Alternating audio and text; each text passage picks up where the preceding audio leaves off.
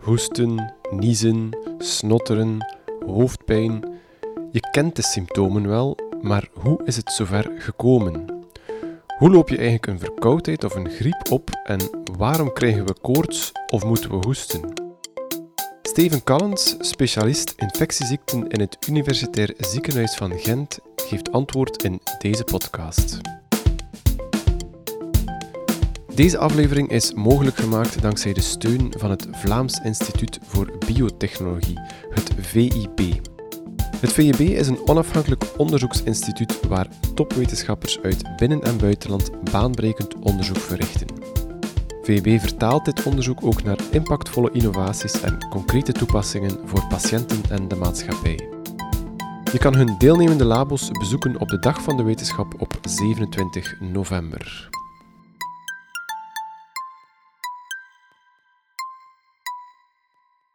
Dag Steven. Goedemorgen.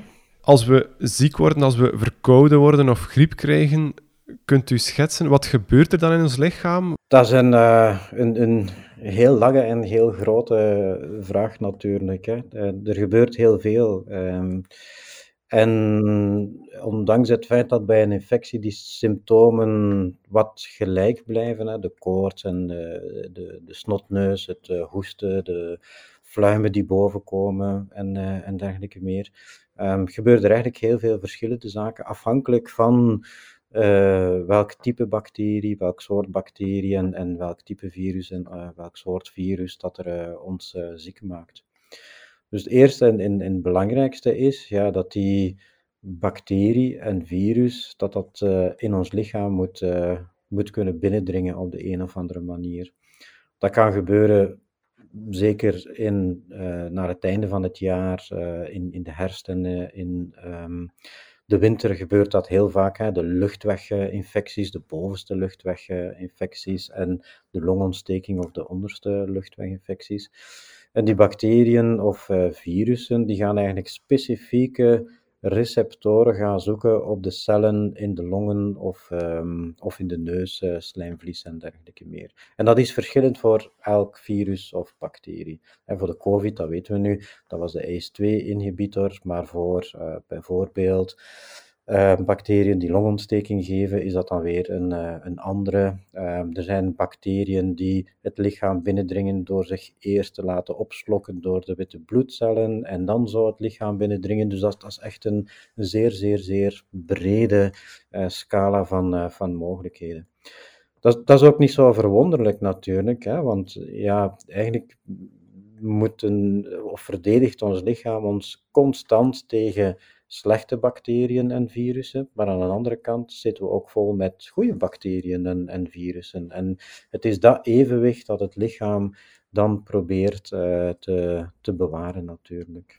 Die, die bacteriën, waar zijn die als die niet in ons lichaam zitten, als die ons niet besmetten? Ook dat kan heel verschillend zijn. Dat kunnen uh, bacteriën of uh, virussen, laat ons uh, micro-organismen zeggen. Hè, dat zijn dan micro-organismen die zich in de omgeving kunnen bevinden, bijvoorbeeld. Ehm, uh, zeker bij mensen met een gestoorde immuniteit zijn er uh, micro-organismen die ons kunnen binnendringen, uh, waar dat ja, met mensen met een normale immuniteit, met een gewone immuniteit, niet ziek van gaan worden. Dat kan ook zijn dat dat virus bij iemand anders aanwezig is zonder dat die ziek is. Hè. Dat is dan ja, een reservoir, een asymptomatische drager. Maar als jij het ongeluk hebt om een bepaald type receptor meer te hebben of een immuunsysteem uh, te hebben die iets meer reageert, dan ga je er ziek van worden. En het kan natuurlijk ook uh, zijn dat in de periode dat uh, um, iemand ziek is, dat die zaken gaat gaan doorgeven aan um, andere mensen. Dus het kan van de omgeving zijn, het kan van andere mensen zijn en het kan zelfs van dieren, hè, bepaalde virussen die kunnen van dieren overzet worden. Denk maar aan bepaalde soorten van vogelgriep en uh, dergelijke meer, die kunnen overgezet worden op, uh, op mensen. Nu zijn we besmet door een bacterie of een virus. Wat doet het lichaam dan als reactie? Dan gaat het immuunsysteem in, uh, in gang schieten. Um, een immuunsysteem die eigenlijk altijd in gang is, maar het gaat extra stoffen gaan produceren om zich te verdedigen tegen bacteriën en, en virus. En ook daar is dat een, een, een zeer breed scala. Hè? Dus we zeggen altijd, um, ja, we hebben witte bloedcellen en die zullen ons uh, verdedigen, maar die witte bloedcellen, hè, dat, dat zijn een beetje de soldaatjes, die, die, die gaan die uh, micro-organismen gaan, uh, gaan aanvallen. Maar net zoals een soldaat niet een soldaat is, maar hè, die behoren tot gespecialiseerde troepen binnen het uh, leger, zien we dat ook binnen het uh, immuunsysteem, dat er heel gespecialiseerde systemen uh, aanwezig zijn. En er zijn twee, grofweg, um, twee grote systemen, namelijk een aangeboren systeem dan niet verandert, die ja, overeenkomt. Bijvoorbeeld, sommige zaken komen overeen met wat in, in, hoe insecten zich verdedigen tegen uh, infecties. Um, en die, dat is een systeem die heel gemakkelijk en snel mobiliseerbaar uh, is. Dat is trouwens ook het systeem die uh, heel vaak de koorts zal veroorzaken in het, in het begin. En dan heb je het systeem, het adaptief systeem, de, Um, uh, het, ja, het, immuunsysteem die zich kan aanpassen, die heel specifieke antistoffen gaat maken of cytotoxische cellen gaat uh, aanmaken, dus cellen die andere cellen, die bijvoorbeeld uh, geïnfecteerd zijn door een virus, gaan aanvallen en die gaan elimineren. Dan heb je stoffen die vooral aan opruimingsreacties, uh, witte bloedcellen die vooral aan opruimingsreacties gaan doen. Je hebt systemen die gaatjes gaan boren in de bacteriën, bijvoorbeeld, zodanig dat die geëlimineerd kan worden. En, en dat maakt inderdaad dat, ja, dat er een breed scala is van verdediging. Hoe vaak gebeurt het dat een, een micro-organisme ons lichaam binnendringt en dat het immuunsysteem in, in werking treedt? Heel vaak. Het is, het is moeilijk om te zeggen um, hoeveel keer per uur of... of het, het, het, is, het hangt van zoveel verschillende factoren af uh, natuurlijk. Hè, maar het gebeurt heel vaak. Het zal meerdere keren per dag zijn toch dat het lichaam ergens een klein brandje zal moeten gaan, um, gaan, gaan blussen. En dat lukt voor hè, de, de meeste van de infecties lukt dat eigenlijk zeer goed. Wanneer gaat dat verkeerd? Wel, wanneer dat het immuunsysteem iets minder goed uh, werkt. Hè. Um, soms hoor je het wel het verhaal van mensen die heel moe zijn, um, um, die zeggen van ja, door gelijk welke reden, hè, dat, dat, dat, ze lichamelijk uh, minder goed zijn, dan zeggen ze van ja, maar ik heb nu toch wel veel meer bovenste luchtweginfectie, ik heb veel meer snotneuzen en alles wat dat er rondgaat, dat, uh, dat, vang, dat vang ik. Hè. Dus je immuunsysteem moet in orde zijn. En dan zeker mensen die ja, medicatie nemen om het immuunsysteem te onderdrukken, of mensen met kanker hè, die chemotherapie en dergelijke krijgen, ja, die zijn veel gevoeliger voor die uh, infecties. Die brandjes blussen gaat dan uh, veel, veel moeilijker. Het hangt ook af van het micro-organisme. Um, als dat een bacterie of een virus is die virulent is, noemen we dat dan. Hè? Dus het ziekmakend vermogen, omwille opnieuw van duizend en één verschillende redenen. Als dat een virulent micro-organisme is, dan is de kans dat we er ziek van worden ook veel meer. Of, en dat was dan het geval met de COVID-19, als het een nieuw type van micro-organisme is, waar dat niemand nog ooit een, een zit daar een beetje nuance in, maar bon, in, in, in grote, eh, grote orde is het wel juist, waar niemand nog ooit aan blootgesteld geweest is, ja, dan moet het lichaam leren om daar te gaan tegen vechten. Daar is het aangeboren immuunsysteem dan een, een heel effectieve partner uh, in, maar dat is eigenlijk maar ja, een klein deel en dus dat kan zeker niet alles gaan, uh, gaan vermijden. Is het zo, zoals bij COVID ging het telkens over een variant die de ronde deed. Uh, is het zo dat er eigenlijk maar een paar virussen, bacteriën zijn die circuleren en die ons ziek kunnen maken? Of zijn er eigenlijk honderden tegelijk? Ja, zeg maar gerust, uh, zeg maar gerust duizenden. Uh, als je wereldwijd kijkt, uh, duizenden die ons ziek kunnen maken. Um, het is eigenlijk een beetje een, een, een wapenwetloop die we hebben met micro-organismen. En dat is niet zo verwonderlijk. Hè? Dat is hoe dat de natuur um, in elkaar zit en, en hoe dat veel zaken in evenwicht uh, worden gehouden. Um, maar wij worden constant blootgesteld aan ziekmakende micro-organismen. De andere kant van de medaille is dat we heel veel micro-organismen hebben die in ons leven. Hè. We hebben meer genetisch materiaal in ons lichaam dan dat er uh, menselijk DNA in ons lichaam zit. Het is meer dan de helft is, is, zijn micro-organismen die ook helpen onze systemen te, te onderhouden. Denk maar aan maag-darm, maar ja, er, er, komen nu veel ehm, publicaties uit rond het microbioom die, die zo belangrijk is. En het is wanneer dat, dat evenwicht tussen goede um, en ziekmakende, daarmee zeg ik niet slechte bacteriën, maar ziekmakende uh, bacteriën. Um, ja, dat is een evenwicht die we moeten behouden, samen met het uh, immuunsysteem, om te zorgen ja, dat, um, dat we inderdaad niet zoveel ziek worden door die uh, bacteriën. Vandaar bijvoorbeeld dat het gebruik van antibiotica bij bacteriële aandoeningen dan bijvoorbeeld, ja, dat we daar nu toch op een andere manier over nadenken dan 10, 15, 20, 30 jaar geleden, waar dat, ja, als je met een snotneus naar de uh, arts ging, dan schreef die een, uh, een kuur antibiotica voor. Ja, nu weten we dat heel veel van die ziektes door uh, virussen worden veroorzaakt. Dus ja, eigenlijk hoeven we dan geen antibiotica te schrijven. Maar we weten ook dat die antibiotica ons microbioom, ons het evenwicht met die goede micro-organismen kan gaan verstoren. Dus um, we gaan daar toch niet meer zo licht, licht over. En dan heb je nog het probleem van de bacteriële resistentie. Ja, dat is opnieuw dat is een beetje een biologische oorlogsvoering, antibiotica. Dus bacteriën die hebben ook mechanismen om zich daartegen te, te, te gaan uh, verdedigen. Straks wil ik ook nog wat dieper ingaan op die antibiotica en antibiotica-resistentie.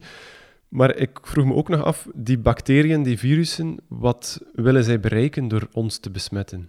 Ja, um, wat willen wij als mens bereiken uh, door ons voor te planten? Dat is ons voortbestaan. Hè? Um, um, dat is een, een uh, antropomorfiserend antwoord. Hè? Dus, dus we, leggen, we denken in de plaats van een, een bacterie of een, een virus. Maar alle leven maakt gebruik van niches waarin het kan, kan overleven. Dus Um, opnieuw, uh, dat is menselijke eigenschappen toe, toeschrijven aan, aan die micro-organismen. Ik denk niet dat ze de dag beginnen met het idee van ik ga hier eens een paar mensen gaan, gaan ziek maken. Het is gewoon het exploiteren van de mogelijkheden die, die er zijn. Um, waarom hebben we dan een pandemie? Waarom zien we dat er af en toe nieuwe bacteriën zijn? Ja, dat komt nu natuurlijk omdat we met zoveel meer zijn op de aarde, waardoor dat we veel meer uh, natuur gaan innemen. En dan komen er af en toe wel zaken boven die, waar dat we nog geen verdedigingsmechanisme tegen, tegen hebben. Dus naast de microbioom, de goede bacteriën, naast de ziekmakende bacteriën of micro-organismen, hebben we ook nog, nog de micro-organismen die, waar we nu mee in contact komen, net omdat we met zoveel zijn, net omdat we ja, zo diep in die natuur aan het uh, doordringen zijn. Dus je ziet dat, dat, dat ja, een, een infectie is eigenlijk een geheel van uh, factoren die persoonlijk zijn, die natuurlijk zijn en die maatschappelijk zijn. Zo'n verkoudheidsvirus of griepvirus of, of een, een bacterie die ons besmet, uh, die kunnen we niet zien. Wat moet ik me daarbij voorstellen? Hoe, hoe ziet dat eruit? Hoe werkt zo'n virus uh, op zichzelf? Hoe leeft zo'n virus? Wel, virus is, zegt men, um, de kleinste levensvorm hè, die, uh, die, uh, die er is. er zijn andere scholen die zeggen dat eh, virussen um, geen leven zijn. En waarom is dat? Een virus is eigenlijk een collectie van genetisch materiaal die ja, eh, met dezelfde bouwblokjes uh, opgebouwd is als menselijk genetisch materiaal, zijnde ofwel DNA ofwel RNA. En rond dat genetisch materiaal zit dan een kapsel. Um, en in dat kapsel zitten dan soms ja, de, de, de eiwitten om te kunnen binden aan de receptoren. Eiwitjes zodanig dat wanneer het, het, het, het, genetisch materiaal in een menselijke cel komt, dat dat kan verwerkt worden in een eerste tijd en dat er nieuwe virussen kunnen geproduceerd worden. dat is echt het, het, ja, de kern van een, een virus. En er zijn dan heel veel verschillende virussen die beschikbaar zijn. Of die bestaan. Dat gaat van heel kleine virusjes tot echt mega grote, bijvoorbeeld ebola en dergelijke Dat zijn lange slirten van, van virussen en die, die zijn dan groter.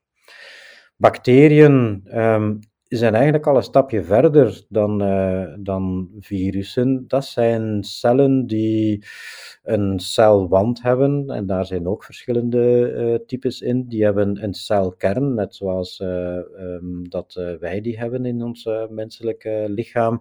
En die hebben heel veel verschillende um, cellulaire um, apparaatjes om ja, die bacterie te kunnen laten overleven in de omgeving, in ons lichaam of, uh, of nog, uh, nog ergens anders. Dus dat is al een complexer systeem uh, om, om te, te overleven.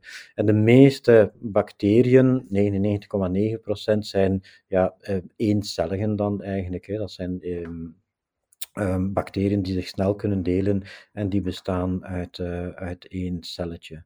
Maar daarnaast hebben we natuurlijk ook nog de schimmels en de parasieten en, en dergelijke meer. Um, en zelfs aan de andere kant van het spectrum, als je na uh, een virus zou denken, dan hebben we prionen, wat dan eigenlijk eiwitjes zijn die ons uh, ziek kunnen maken. Dus we hebben echt een, een gans scala van micro-organismen die ons ziek kunnen maken. Ja, die virussen en die bacteriën, hoe planten die zich voort? Wel, een virus, zoals ik zei, een virus heeft, het, um, heeft een, een, cel nodig in een menselijk lichaam of een dierlijk lichaam. Die heeft een andere cel uh, nodig om zich te kunnen vermenigvuldigen.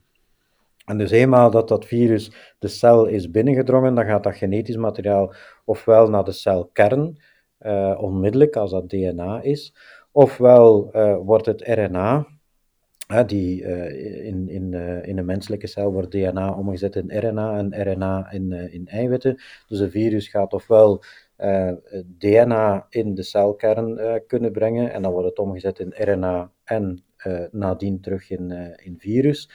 ofwel gaat het van RNA naar ja, alle componenten die je nodig hebt om de assemblage te doen van een, een virus.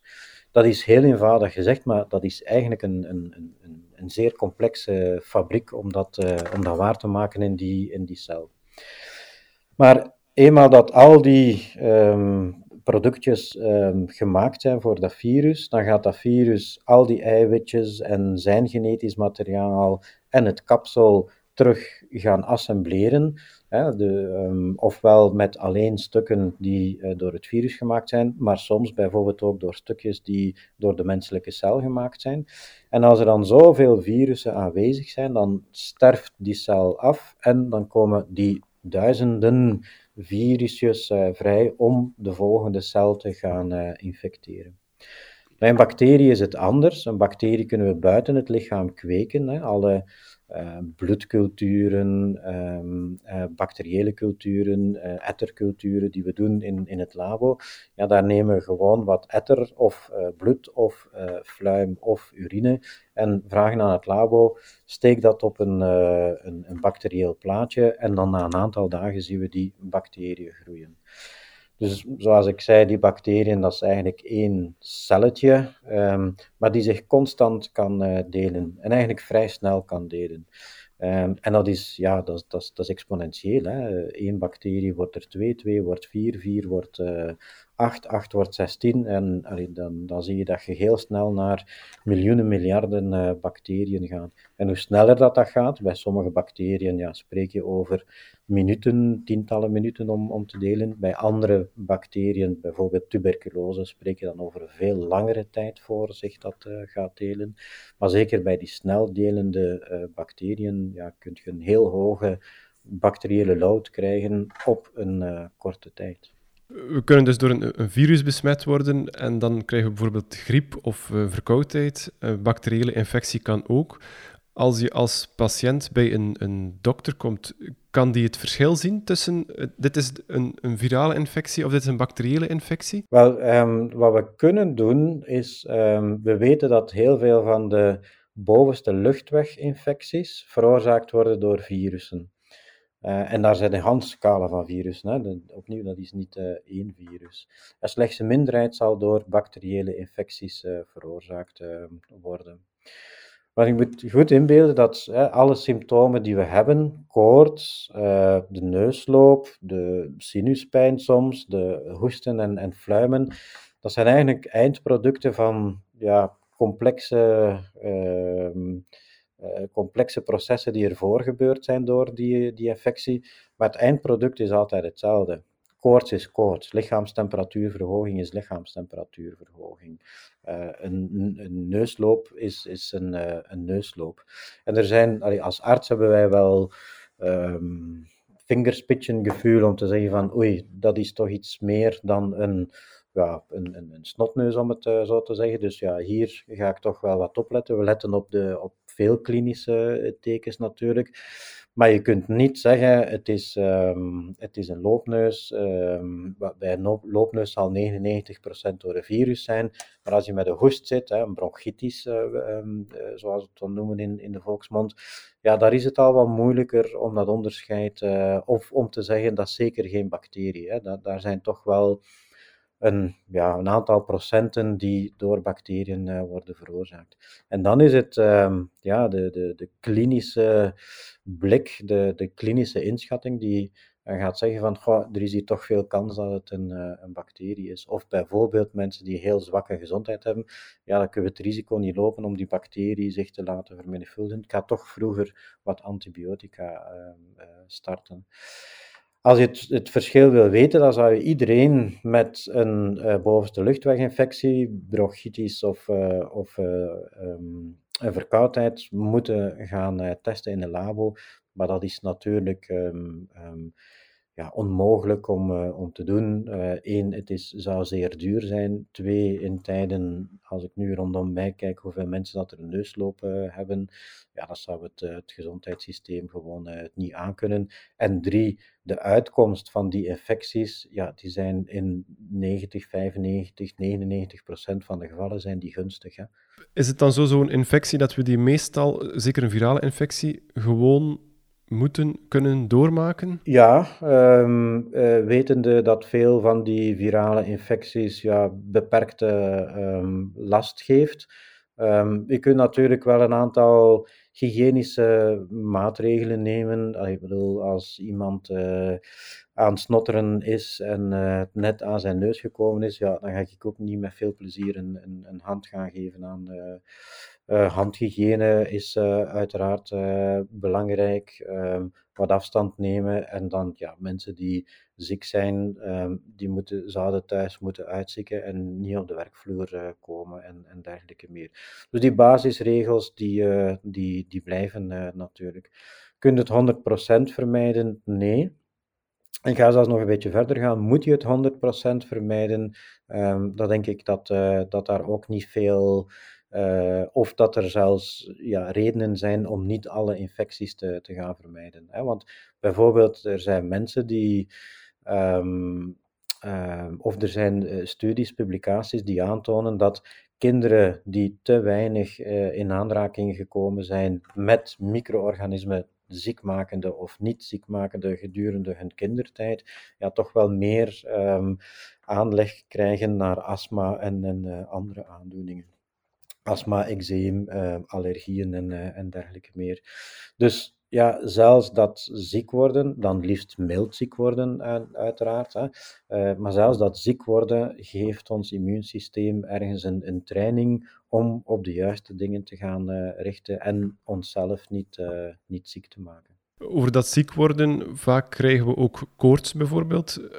Hoe, hoe komt dat? Hoe ontstaat die koorts? Die koorts ontstaat omdat er um, cytokines en interleukines, hè, dus eh, inflammatoire cytokines, dat zijn, uh, worden afgescheiden door de uh, vooral aangeboren en later dan ook adaptief immuunsysteem. dat zijn kleine stofjes die ehm, eh, uitgestuurd worden.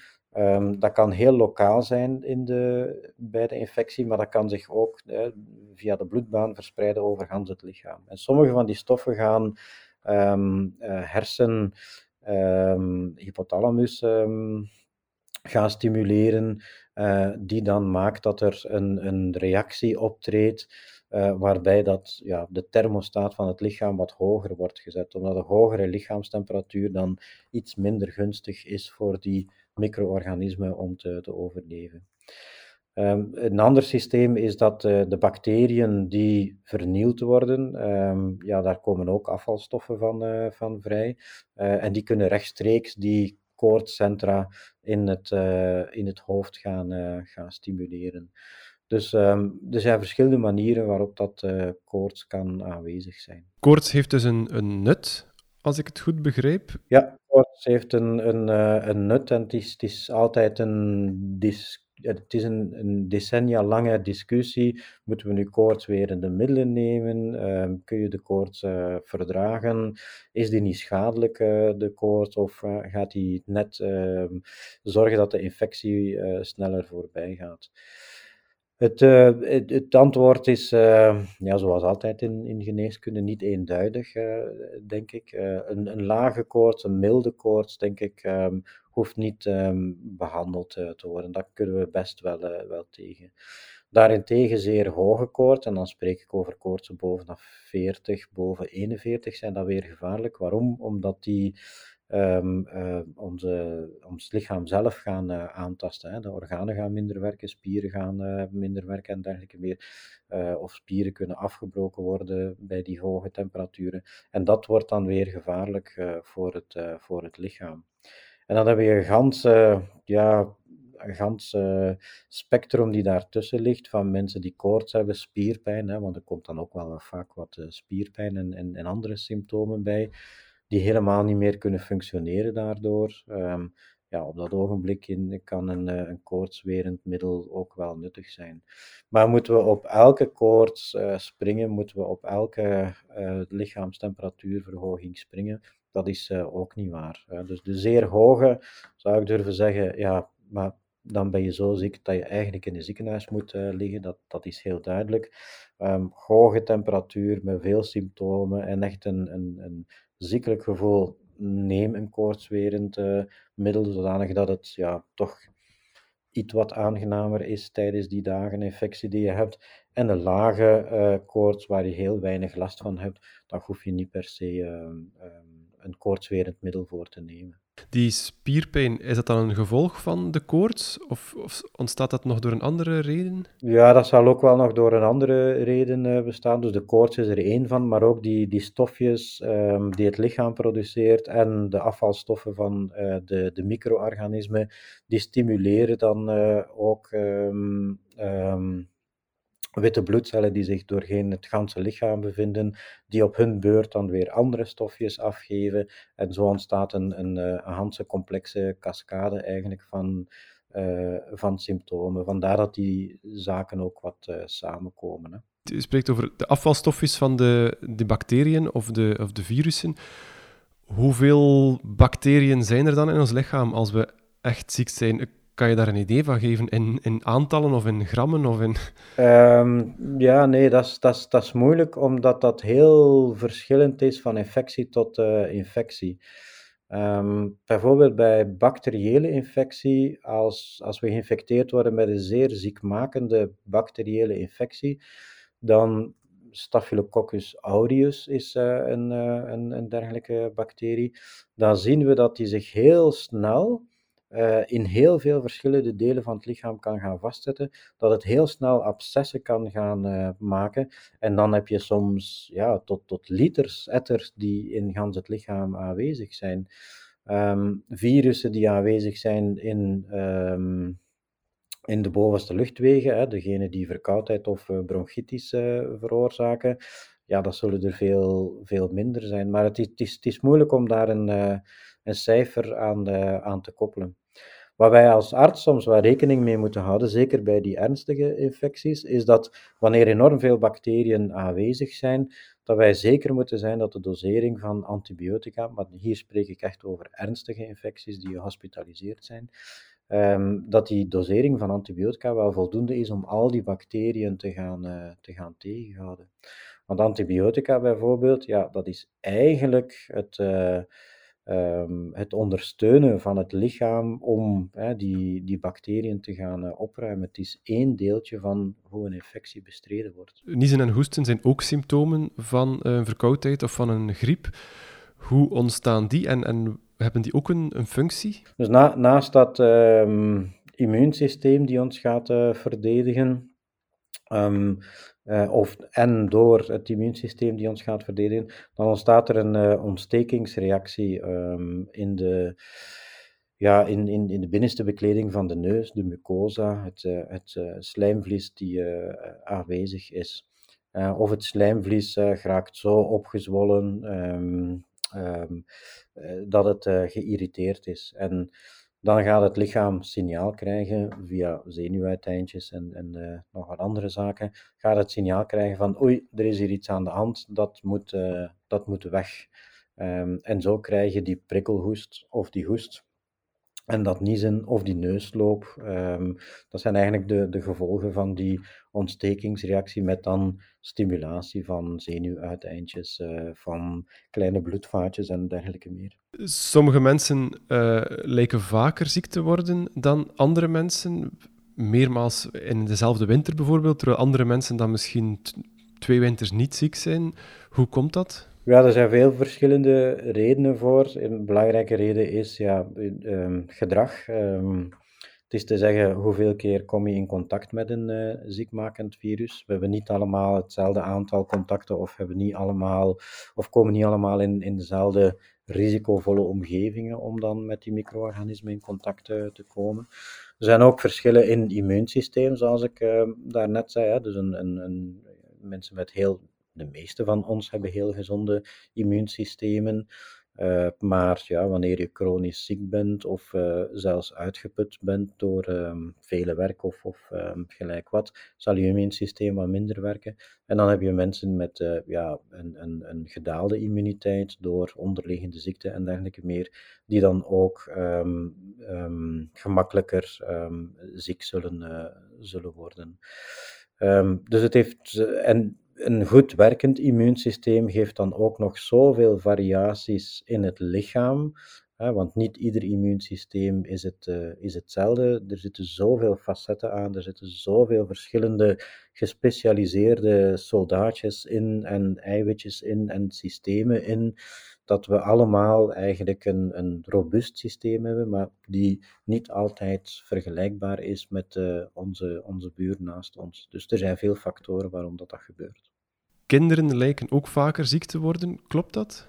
Um, ja, kinderen bouwen natuurlijk nog immuniteit op. Hè. Als je volwassen bent, uh, heb je al veel meer kans gehad om blootgesteld te worden aan uh, bacteriën. Anderzijds is het zo dat uh, kinderen vaak minder ernstig ziek worden. Um, waarschijnlijk omdat ze minder van die auto-inflammatoire of inflammatoire cytokines en, en interleukines aanmaken en dat het immuunsysteem nog volwassen moet, moet worden.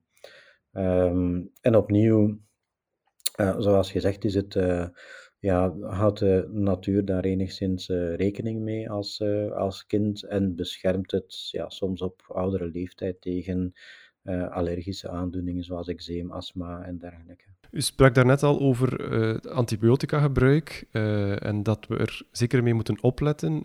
Uh, er komen vaak berichten in de media rond het, antibiotica-resistentie van bepaalde bacteriën. Hoe is de situatie nu? riskeren we dat bepaalde antibiotica niet meer zullen werken? ja, absoluut. Hè. Dat, dat is een, een risico die aanwezig is. we hebben um, zeker in ziekenhuiscontext heel wat uh, bacteriën die um, resistent zijn geworden door lange uh, antibiotica-kuren, al dan niet om ge gegronde redenen en uh, complexe ziekten die, die mensen hebben. Uh, maar we zien ook in, in, in de maatschappij buiten de ziekenhuizen dat door het gebruik van antibiotica binnen menselijke aandoeningen, maar ook door gebruik van antibiotica bijvoorbeeld binnen de uh, veeteelt of in landen waar er ongecontroleerd antibiotica gebruik is. Hè. Hier hebben we voorschrift nodig voor antibiotica. In, in, in, in uh, landen in, uh, in Azië, Sub-Saharisch Afrika, kun je gewoon antibiotica gaan kopen en het gebruiken. Dus door het overgebruik van antibiotica, dat in de maatschappij dezelfde resistentiemechanismen ontstaan. En dat hoeft ook niet te, te verwonderen, want alle antibiotica is afgeleid van een natuurlijk biologisch proces. Maar ja, die bacteriën die zijn er al miljoenen, zo niet miljarden jaren. Uh, die voeren al ja, miljoenen, miljarden jaren een, een, een, een, oorlog tegen elkaar. Dus als we hun eigen wapens inzetten tegen hun eigen, ja, die zullen daar een verdedigingsmechanisme voor, voor hebben. Hè. Dus het, het enthousiasme telkens er een nieuw antibioticum op de markt uh, komt, en dat zijn er jammer genoeg niet zoveel. Het enthousiasme van nu gaan we geen resistentie zien, ja, wordt bijna altijd de kop ingedrukt na een paar weken, een paar maanden, omdat we zien dat er resistentie uh, komt. Vandaar dat we heel hard en goed moeten nadenken wat we willen um, bereiken met die antibiotica. Um, ik denk dat uh, 80% van wat we doen in de gezondheidszorg zonder antibiotica onmogelijk wordt. Hè. En dat gaat van een heupprothese steken uh, tot uh, open hartchirurgie, om het zo te zeggen, tot uh, beenmergtransplantaties en dergelijke meer. Zonder antibiotica kunnen we dat allemaal niet, niet doen. Dus het is een, een ja, een heel kostbaar goed die we um, goed moeten gebruiken en absoluut vermijden uh, te gebruiken wanneer het niet nodig is. Die nieuwe antibiotica, ja, hoe worden die gemaakt? U spreekt van die komen uh, uit de natuur? Die komen uit, uh, uit de natuur. Hè. De, er zijn er een aantal die in ontwikkeling zijn, waar men gewoon uh, kweekjes in de grond heeft gestoken um, en gezien uh, welke kweekjes groeien niet en welke um, groeien wel. Um, en, of uh, bacteriën laten groeien op die kweekjes. en dan proberen te zoeken welke moleculen in de grond dat, dat het antibiotica, antibiotica heeft. Uh, maar er zijn ook, uh, eenmaal als je stof uit de natuur hebt gehaald, zijn er natuurlijk ook veel chemische, uh, biochemische processen, farmaceutische processen die kunnen gebeuren om um, die moleculen te, te optimaliseren. dus, dus, dat zijn dan synthetische antibiotica, maar ze komen allemaal terug wel naar een biologisch proces die, die al aan, aanwezig was. Er zijn ook nog wat andere zaken die uh, geëxploreerd worden, van uh, antistoffen die kunnen gegeven worden tot um, um, vagen. En dat zijn dan een soort van virussen die bacteriën kunnen uh, aanvallen. dus er zijn nog wel wat andere zaken die, die in ontwikkeling zijn. Maar antibiotica zijn en blijven toch het meest krachtige um, middel die we hebben. Naast antibiotica zijn er ook nog vaccins. Uh, sinds de coronacrisis natuurlijk weten we allemaal wel, denk ik, heel goed uh, wat dat uh, allemaal inhoudt. Maar wat is een, een, het grootste verschil tussen antibiotica en een vaccin? Antibiotica gaat een bacterie bestrijden, hè, dat doet niks tegen virussen, maar dat gaat een bacterie bestrijden op het moment dat de infectie aanwezig is. Um, een vaccin dien je toe op het moment dat je nog niet blootgesteld bent geweest aan een, um, aan een virus, of om, uh, wanneer dat het virus niet aanwezig is, om de immuniteit, hè, dat, dat, zijn de boosterprikken die we nu krijgen, om de immuniteit terug wat op, uh, op punt te stellen, zodanig dat het lichaam, wanneer het dan blootgesteld wordt aan dat virus of bacterie, dat het onmiddellijk kan gaan, uh, gaan reageren, zodanig dat je minder uh, ziek wordt. Dus antibiotica zijn in 99% van de gevallen curatief op het moment van ziekte. Vaccins zijn preventief op het moment dat je nog niet blootgesteld bent geweest of op het moment dat je terug betere immuniteit uh, tegen dat virus of bacterie nodig hebt. Er zijn wereldwijd ontzettend veel wetenschappers bezig met het zoeken naar antibiotica, naar vaccins. Maar toch slagen we er nog niet in om bijvoorbeeld verkoudheid, griep uit te roeien. Is dat iets wat haalbaar is? Nee, dat is niet haalbaar. Omdat uh, ja, er zijn veel redenen uh, voor. Ik denk dat uh, um, wanneer je erin zou slagen om iets uit te roeien, de natuur ons wel iets anders zal toegooien. Um, dus er is veel die we nog niet weten natuurlijk. Um, twee is dat uh, heel veel van die virussen ook in dieren aanwezig uh, kunnen zijn. Hè. Ik weet dat wij ons als mens uh, een beetje apart zien en, en, dat we denken dat we totaal verschillend zijn van, van dieren. Maar goed, in biologische processen zien we dat er heel veel zaken overlappend zijn. en van zodra er een, een, een dierlijk reservoir is, ja, kun, je, kun je het niet gaan uitroeien. Tenzij dat je in dat dierlijk reservoir um, ook het virus zou kunnen uitroeien, maar in wilde dieren um, is, dat, uh, is dat quasi onmogelijk. Dus we zullen nooit infectievrij zijn. Dus voorlopig blijft wel de kans dat we elke winter uh, wel eens ziek worden, wel eens lopen te snotteren. Kan je dat uh, proberen te voorkomen? Kan je jezelf wapenen op een bepaalde manier om minder snel ziek te worden? Ja, um, evenwichtig leven, gezond leven is uh, een heel belangrijke. Hè? De, van, van voeding tot uh, rust nemen en, uh, en dergelijke meer. Hoe gezonder, hoe minder kans dat je ziek wordt of dat je maar heel mild ziek gaat worden.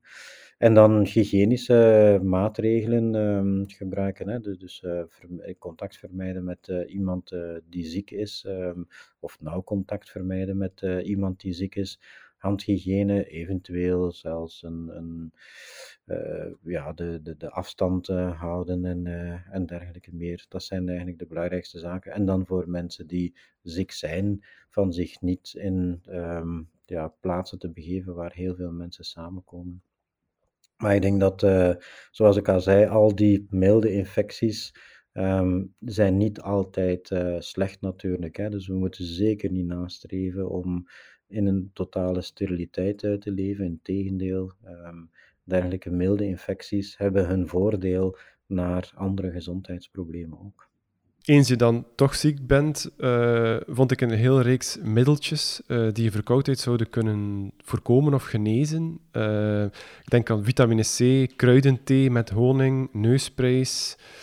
Welke van die middeltjes helpen echt of, of zijn de meeste ja, onzin? On, onzin, um, wat is onzin? Um, helpen ze, doen ze iets? Uh, het, het, antwoord is als je kijkt op virus of uh, verdwijnen van symptomen als harde eindpunten, dan, ehm, dan kun je zeggen van ze doen eigenlijk niet veel. maar het, een warme thee drinken uh, terwijl dat je ziek bent, is misschien nog aangenaam om, uh, om te doen. Uh, de neusprijs om ja, de neusloop wat te, of eigenlijk vooral de neusverstopping wat te, te vermijden. Ja, dat verlicht de, de symptomen en dat maakt dat je je wat beter voelt in dat, in dat ziek zijn. Maar ze gaan, heel veel van die middelen gaan niks doen aan de infectie, uh, infectie zelf. Maar goed, zich goed voelen is al een goede reden om. Uh... Oké. Okay. Uh, dan wil ik u bedanken voor het zeer boeiende gesprek. Uh, ik onthoud dat we voorlopig er nog niet van af zijn van de bacteriën en de virussen, maar dat we er wel mee kunnen uh, leren mee leven. dat het ook niet zo heel slecht is om af en toe eens ziek te worden. Ehm, dus heel hard bedankt voor uw antwoorden. Graag gedaan. EOS Wetenschap is een non-profit organisatie die er met onafhankelijke wetenschapsjournalistiek voor zorgt dat een breed publiek kan kennismaken met 100% betrouwbaar toponderzoek. Dat kunnen we niet doen zonder de steun van onze leden. Maak je het mee mogelijk? Surf naar www.eoswetenschap.eu wordlid en verspreid met ons de wetenschap.